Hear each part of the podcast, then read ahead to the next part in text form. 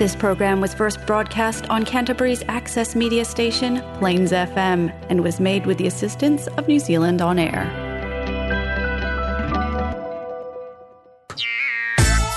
It's now time for Namaste Nepal, featuring Nepalese music, news, and language on Plains FM 96.9.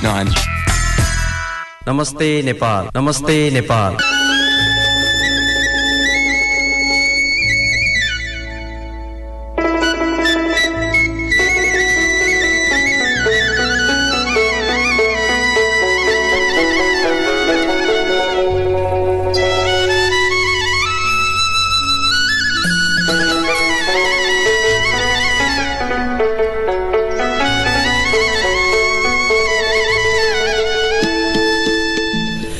नमस्कार Nepal New Zealand friendship society क्यान्टबरीको प्रस- प्रस्तुति कार्यक्रम नमस्ते नेपालको साप्ताहिक रेडियो सङ्गालो लिएर यहाँहरूको घर आँगन रेडियो सेटमा सधैँझै म विनोद उपस्थित भइ नै सकेको छु।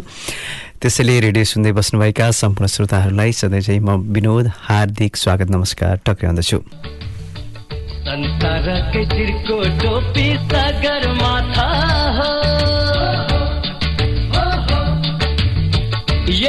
हजुर श्रोता सोमबार बेलुका आठ बजे र हामी त्यसको नमस्ते नेपालको नयाँ कार्यक्रम लिएर आउने गर्दछौँ भने त्यसको पुनर्प्रसारण बिहिबार बेलुका आठ बजे पनि यहाँहरूले न्युजिल्यान्ड समयअनुसार नै Plains FM ninety six point nine megahertz मार्फत प्रत्यक्ष सुन्न सक्नुहुनेछ। त्यस्तै Plains FM dot ORG dot एनजेडमा गइसकेपछि पनि यहाँहरूले कार्यक्रम नमस्ते नेपालसँग प्रत्यक्ष प्रत्यक्ष पनि जोडिन सक्नुहुनेछ र आफूलाई अनुकूल हुने समयमा पनि जोडिन सक्नुहुनेछ।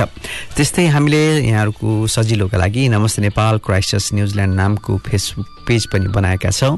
त्यसमार्फत पनि कार्यक्रम नमस्ते नेपालसँग जोडिएर यहाँहरूले आफ्ना क्रिया प्रतिक्रियाहरू दिन सक्नुहुनेछ अनि आफूलाई मनमा लागेका कुराहरू र हामीलाई साथ सहयोग र सल्लाह त यहाँहरूले दिँदै आउनुभएको छ। त्यसलाई निरन्तरता दिन पनि सक्नुहुनेछ र त्यसैको लागि पनि हामी हात जोडेर कृतज्ञ पनि छौँ र अनुरोध पनि दोहोऱ्याउन चाहन्छौँ।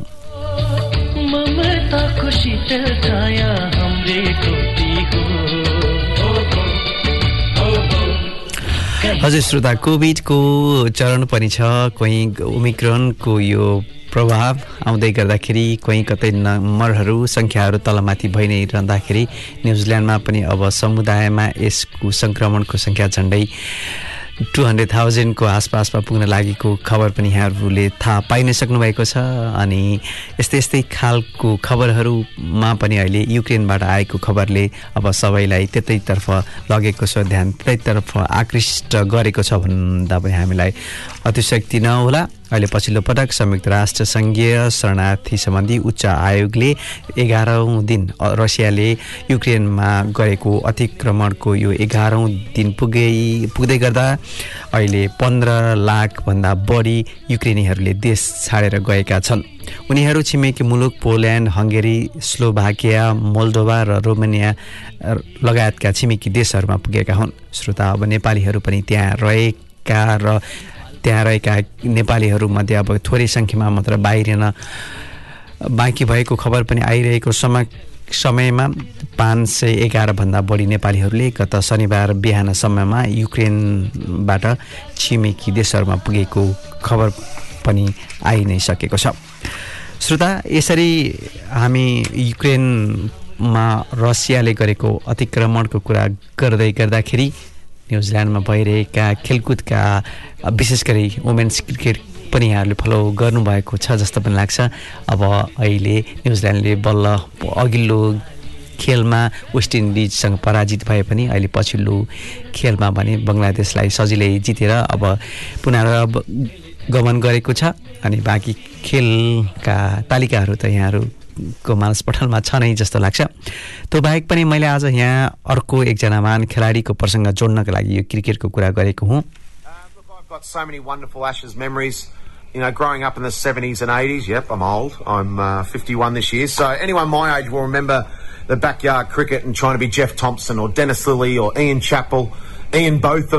uh, Tony Gregg, and all those guys that played in that time and watching some wonderful cricket set the dream alive of saying, I want to be part of these Ashes series. And I was lucky enough to be part of my first ever Ashes series in 93 and what a first test match it was and That's a wonderful delivery from Shane Warne. Clipping the top of off stump. हजुर श्रोता के- महान cricket खेलाडीहरूमध्येका एक सेन वानको गत साता दुःखद अवसान भएको छ। त्यसैको प्रसङ्ग जोड्नको लागि मैले यहाँहरू समक्ष यो अडियो क्लिप यहाँहरूसँग प्रस्तुत गरि नै सकेको छु। टेस्ट क्रिकेटका सर्वा सर्वकालीन महान खेलाडी मध खेलाडी मध्येका एक एकाउन्न वर्षीय अस्ट्रेलि अस्ट्रेलियाली क्रिकेट खेलाडी सेन वानको गत शुक्रबार हृदयघातका कारण निधन भएको खबर यहाँहरू समक्ष पुगि नै सकेको छ। आफ्नो पन्ध्र वर्ष लामो खेल जीवनका क्रममा वानले लेग स्पिन बलिङलाई फेरि बिउताएको मानिन्छ। उनले सात सय आठ टेस्ट विकेट लिएका छन्। सर्वाधिक क्रिकेट सर्वाधिक विकेट लिने सूचीमा श्रीलङ्काली अफ स्पिनर मुथैया मुरलीधरनपछि उनी दोस्रो स्थानमा आउँछन् भने मुरलीधरनसँगको रेकर्डमा उनी अघि पछिकै रूपबाट आएका थिए। मुरलीधरनले आठ सय टेस्ट विकेट लिएका छन्। विजडमले शताब्दीकै पाँच खेलाडीको सूचीमा सेन वानलाई पनि समावेश गरेको थियो र एक किसिमको यो उनी त उनका खेलभन्दा बाहिर अवस्थामा पनि रमाइलो रङ्गतरङ्गका खबरहरू आइ नै गर्दछन् तर उनी खेलमा पनि विशेष गरी लेग स्पिनको कारणले क्रिकेटका यी विशेष हस्तीमा महान हस्तीको एउटा गुप्चाप रूपबाट एक्लो अवसान भएको दुःखद खबर छ। उनको आत्माको चिर शान्तिको पनि हामी कामना गर्दछौँ। त्यस्तै श्रोता अस्ट्रेलियामा बाट आएको एकजना नेपालीसँग जोडिएको दुःखद खबर छ। उच्च उच्च शिक्षा अध्ययनका लागि अस्ट्रेलिया आएको दुई महिना नपुग्दै काठमाडौँ कलफुटारका सुजन बस्नेत अर्बन स्थित आफ्नै कोठामा मृत फेला परेको दुःखद खबर पनि छ। यसरी हामीले समग्रताको साथसाथमा आजको कार्यक्रम नमस्ते नेपालको उठान गरि नै सकेका छौँ अनि अन्य पक्षहरूको बारेमा अन्य खबरको विषयमा यहाँहरूलाई जानकार गराउने प्रयास गर्दै जानेछु। अहिले नै भने यहाँहरूको लागि एउटा मिठो गीत प्रस्तुत गर्न लागिरहेको छु। यो गीतमा स्वर्गीय बप्पी लहरी सङ्गीतकार भारतीय सङ्गीतकार बप्पी लहरीले पनि नेपाली गीतमा स्वर दिएका रहेछन्। उनको स्वरको यो गीत प्रस्तुत गर्न लागिरहेको छु। भने यसमा सङ्गीत बिबी अनुरागीको र यसका शब्दहरू प्रदीप काफ्लेले लेखेका हुन्। श्रोता बप्पी लहरीको पनि केही हप्ता अगाडि दुःखद अवसान भएको छ। यी अवसानहरूका बिचमा उनको यो आवाज अब यहाँहरूसँग प्रस्तुत गर्न चाहन्छु। आउनुहोस् अहिले नै भने यो गीत सुनिहालौँ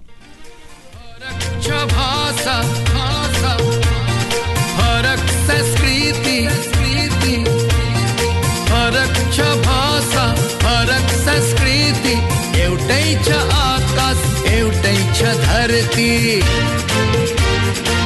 जहाँ रहे जहाँ भए जहाँ रहे नि जहाँ भए नि हामी एउटै धरतीका सन्तान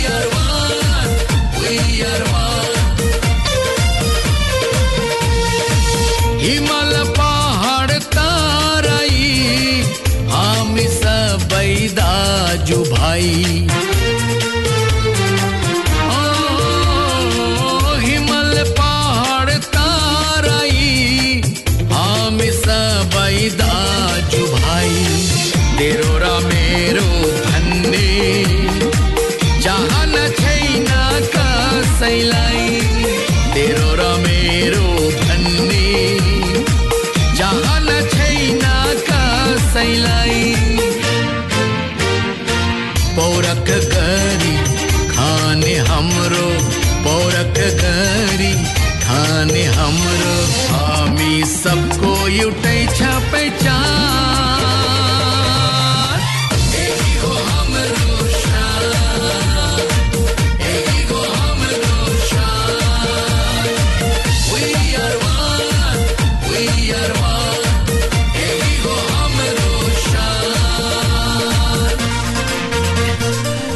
श्रोता यो बप्पी लहरीको आवाज पनि यहाँलाई प्रस्तुत गरि नै सकेको छु। अब त्यसपछि यहाँहरूलाई अब एमसिसीको विषयमा जोडिन आउने जोडिन सकिने अरू पक्षहरूको विषयमा पनि यहाँहरूसँग चर्चा गर्न लागिरहेको छु। र हुन त सबै पाटो त एकैचोटि यो एमसिसी एउटा पुस्तक जस्तो भयो। हरेक पानाहरू पल्टाउँदै गर्दा का कुराहरू अलग अलग तरिकाले आउलान्।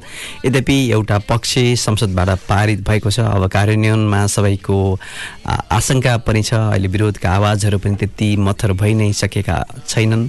एक खालको चुनौती र त्यससँग जोडिएर आउने विषयहरू आउने क्रम रोकिएको छैन। यद्यपि अब एमसिसीले नेपालको विकासमा एउटा खुड्किलो कुरोबाट प्रवेश गरोस्। हाम्रो शुभेच्छा त रहेको छ। अब हेरौँ आगामी दिनमा कार्यान्वयनका क्रममा पाँच वर्षको समय अवधि टोक तोकिएको यो एमसिसी कसरी अगाडि बढ्ने हो त्यो भन्ने प्रतीक्षाकै विषय रहेको छ। यद्यपि श्रोता संसदबाट अमेरिकी सहयोग परियोजना एमसिसी कम्प्याक्ट अनुमोदन त भयो। कार्य कार्यान्वयनमा आएको पाँच वर्षभित्र परियोजना सम्पन्न हुनै पर्ने व्यवस्था सम्झौतामा छ। त्यसले त हामी नेपालीहरूलाई धेरै परियोजनाहरू आफूले हात पार्ने र त्यसको कार्यान्वयन वर्षौँ वर्षौँसम्म नगर्ने धेरै कुराहरू ओगटिएर बसेका छन्। अब यो त त्यस्तो गर्न नपाइने विधिले नै तोकिएको नियमले नै बाँधिएको अवस्था छ। परियोजनाको क्षेत्रमा पर्ने रुख कटानको अनुमति प्राप्त गर्नुपर्ने विषयको पूर्व शर्त पनि ठुलै समस्या खडा भएर आउने छ भन्ने आशंका पनि उब्जिन थालि नै सकेको छ किनभने परियोजनाको वातावरण प्रभाव मूल्याङ्कनको प्रतिवेदन अनुसार दुई लाख सत्र हजार रुख काटिनुपर्ने हुन्छ। हजुर श्रोता दुई लाख सत्र हजार रुख काट्नुपर्ने हुन्छ। प्रसारण लाइन लाइन र प्रसारण लाइनको तार अड्याउने आठ सय छप्पन्नवटा टावर राख्नका लागि जग्गा अधिग्रहण गर्न पनि बाँकी नै छ।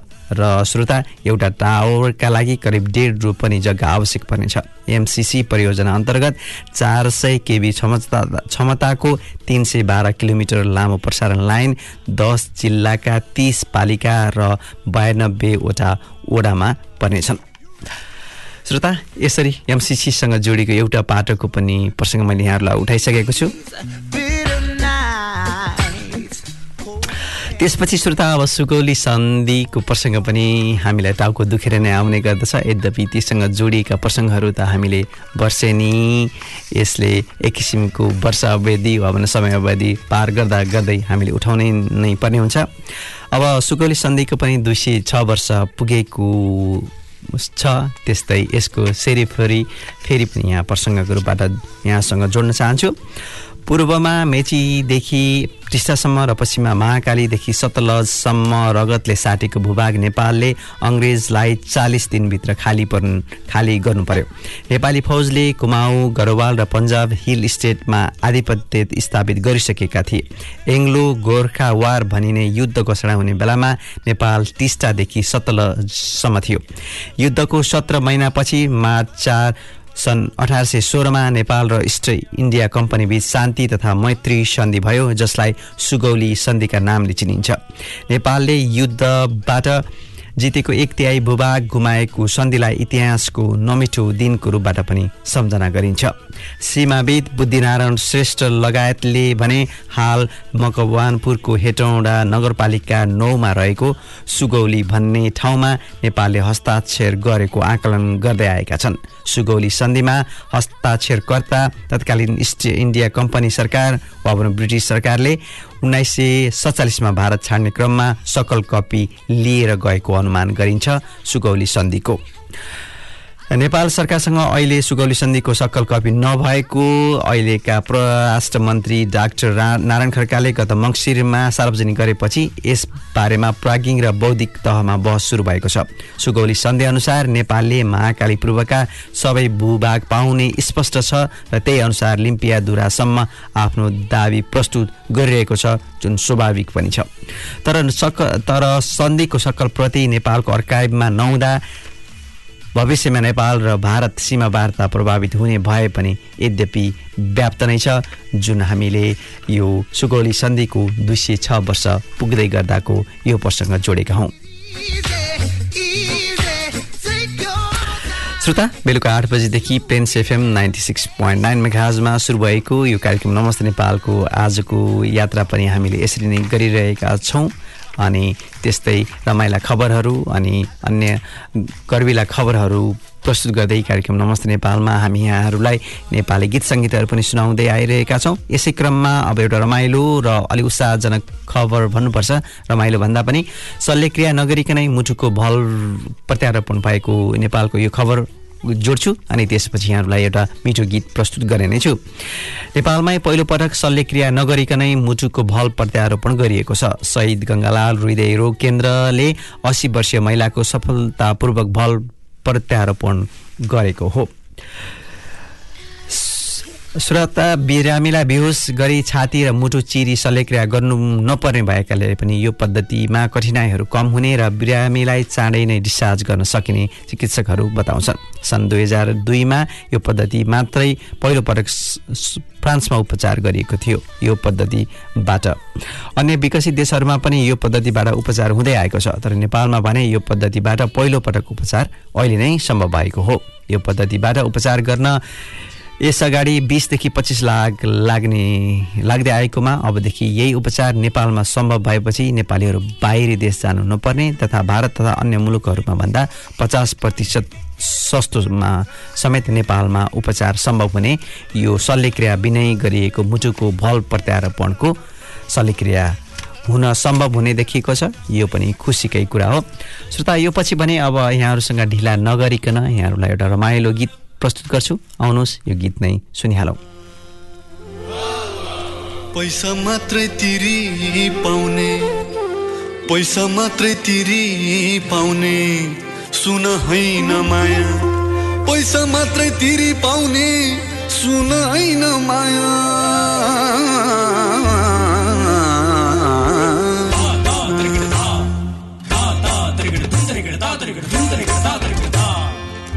औँसीसँगै बिलाउने त्यो जुन होइन माया। औँसीसँगै बिलाउने त्यो जुन होइन माया। औँसीसँगै बिलाउने त्यो जुन होइन माया। औँसीसँगै बिलाउने त्यो जुन होइन माया।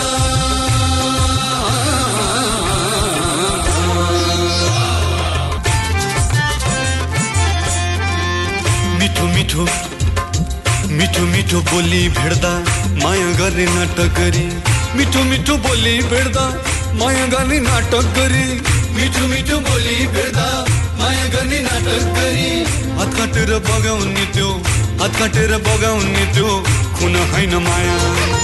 हात काटेर बगाउने त्यो खुन होइन माया। हात काटेर बगाउने त्यो खुन होइन माया।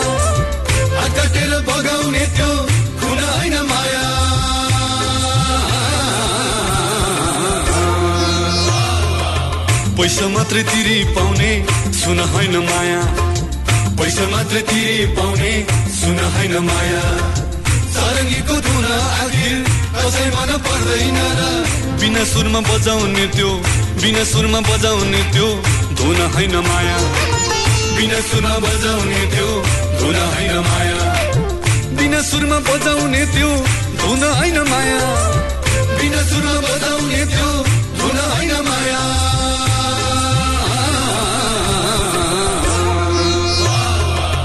पैसा मात्रै तिरी पाउने सुन होइन माया।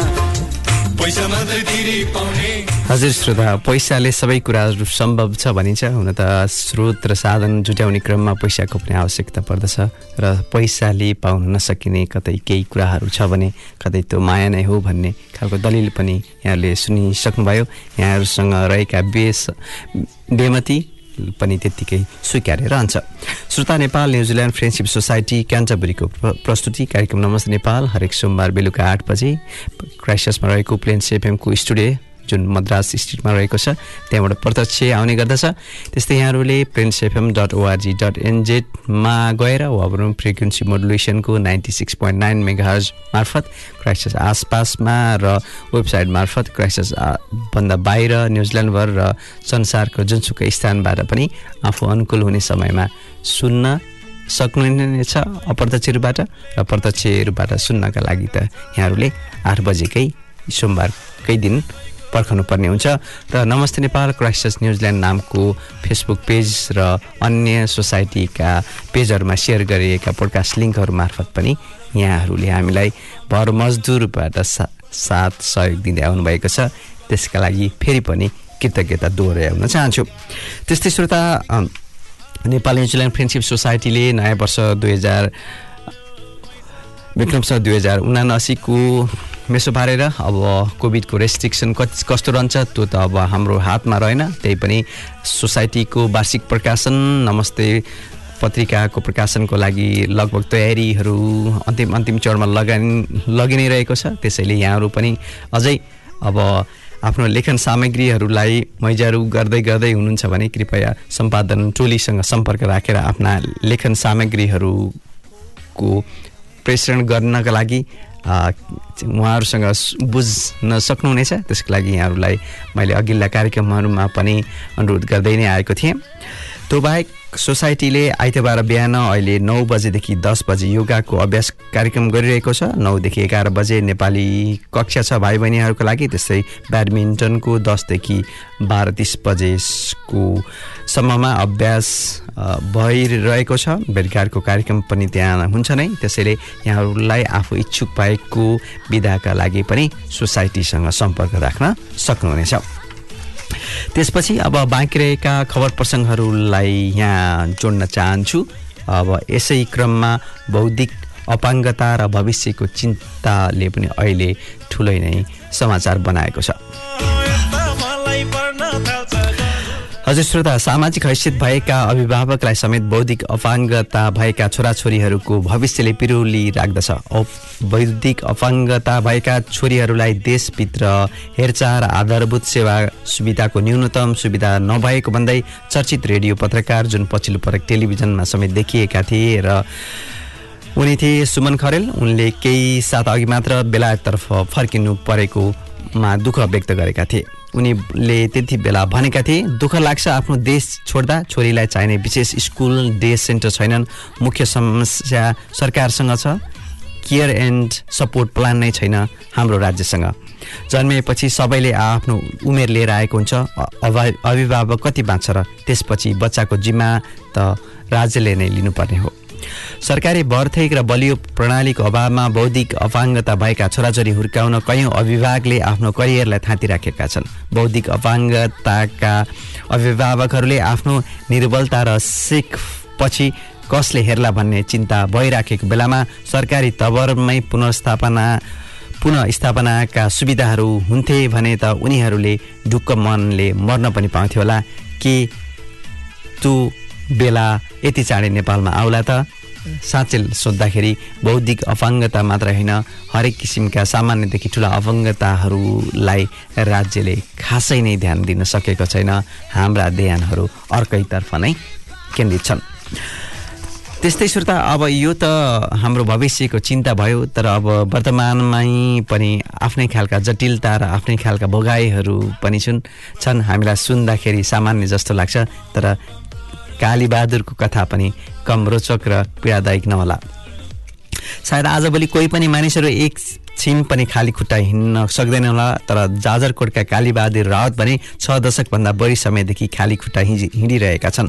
दशकौँ खाली खुट्टा हिँड्दा हिँड्दा बानी परिसकेका उनी पत्थर जस्ता कडा पैतालाले नै आफ्नो लागि जुत्ता चप्पल काम गरिएको ठान्छन् जुत्ता चप्पल लगाएँ भने त हिँड्नै जान्दिनँ उनी भन्छन्। मेरो पैतालाले नै जुत्ता चप्पल जस्तै कडा छन्। बहु यसरी श्रोता न काँडाले कोप्छ न त ढुङ्गाले नै का काट्छ। कालीबहादुरको अनुभव यस्तै छ। रावत पैसा कमाउनका लागि खाली खुट्टै कालापार वा भनौँ भारत र नेपालका विभिन्न ठाउँमा समेत पुगिसकेका रहेछन्। यसरी खाली खुट्टा हिँडिरहेका कालीबहादुरको जीवन केही सोच वास्तव वास्तवमा उनले भने जस्तो होला त। यो भने अर्कै कुरा भयो। श्रोता अब सुनको कुरा पनि गरिहालौँ। चालु आर्थिक वर्षको माघसम्ममा नेपालमा तिन हजार छ सय त्रिचालिस किजु केजी सुन आयात हुँदा मुलुकबाट पच्चिस अर्ब एक्काइस करोड अडसठी लाख रुपियाँभन्दा बढी धेरै रकम विदेशिएको रहेको छ। एकाएक बजार भाउले एक लाख नाग्दै गर्दा अर्कोतर्फ दैनिक बिस किलो सुन भने खपत भइ नै रहेको छ। विवाह यस्तै हाम्रा परम्परा संस्कारहरूमा हामीलाई सुन त चाहि नै हाल्छ। रेमिट्यान्स घट्ने र आम्दानी बढ्ने कारणले विदेशी विनिमय सञ्चितमा दबाव परेपछि कडाई गरी इजाजत प्राप्त वाणिज्य ब्याङ्कहरूले दैनिक बिस किलो सुन आयात गर्दै आएकोमा अहिले त्यसलाई आधा कटौती गर्दै दैनिक दस केजीको कोटा तोकेको छ राष्ट्र ब्याङ्कले। तर श्रोता अर्कोतर्फ भने विदेशी मुद्राको सञ्चित घट्दै गएको बेलामा खुसीको खबर पनि छ। नेपालबाट प्रशोधित पानी निर्यात बढेको छ। चालु आर्थिक वर्षको तिन महिनामा चौबिस करोड पैँतिस लाख रुपियाँ बराबरको पानी भने निर्यात भएको छ। श्रोता यसरी पानी र सुनको तारतम्य तारतम्यता पनि कसरी मिल्ला त्यो आफ्नै ठाउँमा भयो? त्यस्तै आठ मार्च मङ्गलबारको दिन नारी दिवस पनि परेको छ। सुनिएका र मौन अन्य अनेकन घटनाहरू दोहोरिने र तेरिने क्रम जारी नै छ। आठ मार्चको नारी दिवसको अवसरमा सुन्दरता र समानता दुवै समान्तर ल लहरहरू बढ्दै जाउन्। तमाम आमा हजुरआमा दिदीबहिनी समग्रमा नारी दिवसको वास्तविक र व्यवहारिक शुभकामना व्यक्त गर्न चाहन्छु। श्रोता यो सँगसँगै भने बेलुका आठ बजीदेखि सुरु भएको कार्यक्रम नमस्ते नेपालको। आजको बसाइ यति नै। आउँदो साता फेरि पनि साथ दिने प्रयास गर्नुहोला। समयको क्रम हामीले सोचे जस्तै भयो भने यहाँहरूसँग भेटघाट गर्न आउने नै छु। तबसम्मका लागि म विनोदलाई पनि आज्ञा दिनुहोस्। नमस्कार शुभरात्रि।